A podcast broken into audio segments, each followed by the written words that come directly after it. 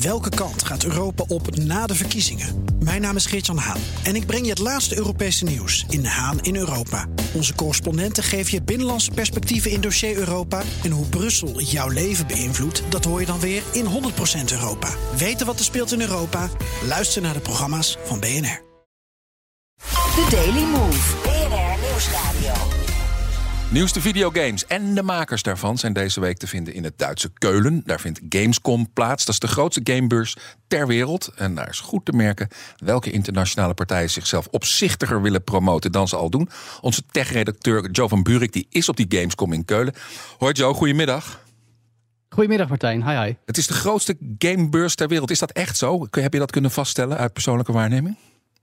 Nou ja, er zijn er niet zoveel meer over. Oh. Uh, je had ooit de E3 in Los Angeles en die is er ter ziele gegaan. Dan heb je nog wel wat uh, ja, business uh, beurzen, zeg maar, in San Francisco en in Tokio ook wel met wat uh, bezoekers. Maar dit is de enige echt grote beurs voor zowel bedrijven en media als ook bezoekers.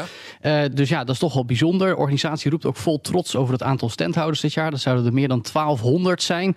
Drie kwart daarvan komt niet uit Duitsland, maar uit meer dan 60 andere landen over de hele wereld. Inclusief Oekraïne trouwens.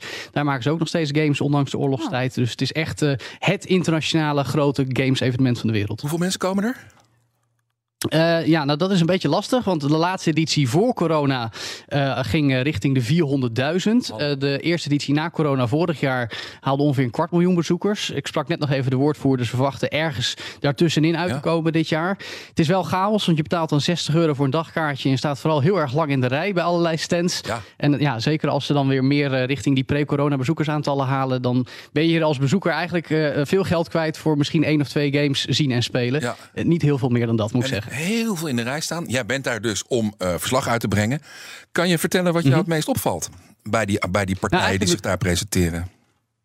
Ja, eigenlijk vooral wat er niet is. En dat is namelijk Sony PlayStation. De grote ontbrekende die echt wel een beetje schittert door afwezigheid. Ook EA, bekend van de FIFA en Sports FC voetbalgames, is er niet.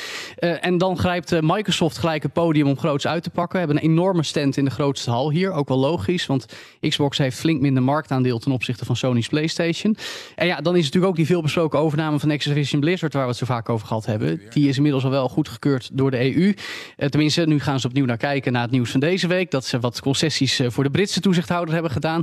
Maar er is een heel charme-offensief geweest in Brussel. En om de daad bij het woord te voegen is het logisch dat ze hier zijn. Hele lading games. Ja, ze willen echt de volgende slag in de console-oorlog, zou ik maar zeggen, gaan winnen. En ook opvallend, Martijn, partijen die je niet zou verwachten, die hier ook groot aanwezig zijn. Netflix, meerdere grote stands oh. om de series en ook games die ze daarbij ah, hebben te promoten. Tuurlijk, series die over games partijen. gaan en dan, ja, oké, okay, snap ik. Precies, over en weer. En ook weer games van die series. En daarnaast diverse partijen uit Korea en ook China. Dat is ook een wat nieuwere ontwikkeling. Dan heb je onder meer Tencent met hun game label Level Infinite. Die ook heel duidelijk de Europese gamers naar zich toe willen trekken. Maar Joe, even hè. Jij, jij loopt daar als een kind in de speelgoedwinkel rond natuurlijk. Dit is uh, koren op jouw molen. Wat vind je zelf nou het leukst wat je hebt gezien of het interessantst? Nou, het interessante is eigenlijk wel de nieuwe games, de grote hits voor dit najaar. Een nieuwe actiegame genaamd Armored Core. Een, een groot sci-fi epos van Starfield. Komt via Microsoft. Moet echt een van de grote klappers van het najaar zijn. Daarover hoor je ook nog meer in een uh, speciale bijdrage in de ochtendspits van uh, mij en collega Jochem Visser. Oké. Okay. Hey Joe, um, je zei net, er zijn allemaal Oekraïners zelfs. Zijn er ook Nederlandse gamebedrijven? Uh, ja, er is een stand van de Nederlandse game-industrie. Uh, de Dutch Game Association is een belangenvereniging. En ook nog leuk nieuws vanuit de Nederlandse gamehoek. Want er is een internationale partij die zich in Rotterdam heeft gevestigd. Eigenlijk door een overname van het middelgrote studio Code Glue. Uh, dat is gedaan door Behavior Interactive. Die doet vooral veel ondersteunend werk voor. Daar zijn ze weer, Microsoft en Activision. dat Code Glue had nu 30 mensen in dienst en wil heel snel gaan uitgroeien naar 100. En daarmee is het dus echt ja, een, een Nederlandse divisie van een internationale partij. Mooi voor de Nederlandse game-industrie. En ik sprak ook even met de CEO scheidend CEO, moet ik zeggen, van Codeglue, Peter de Jong. En die zei dit tegen me.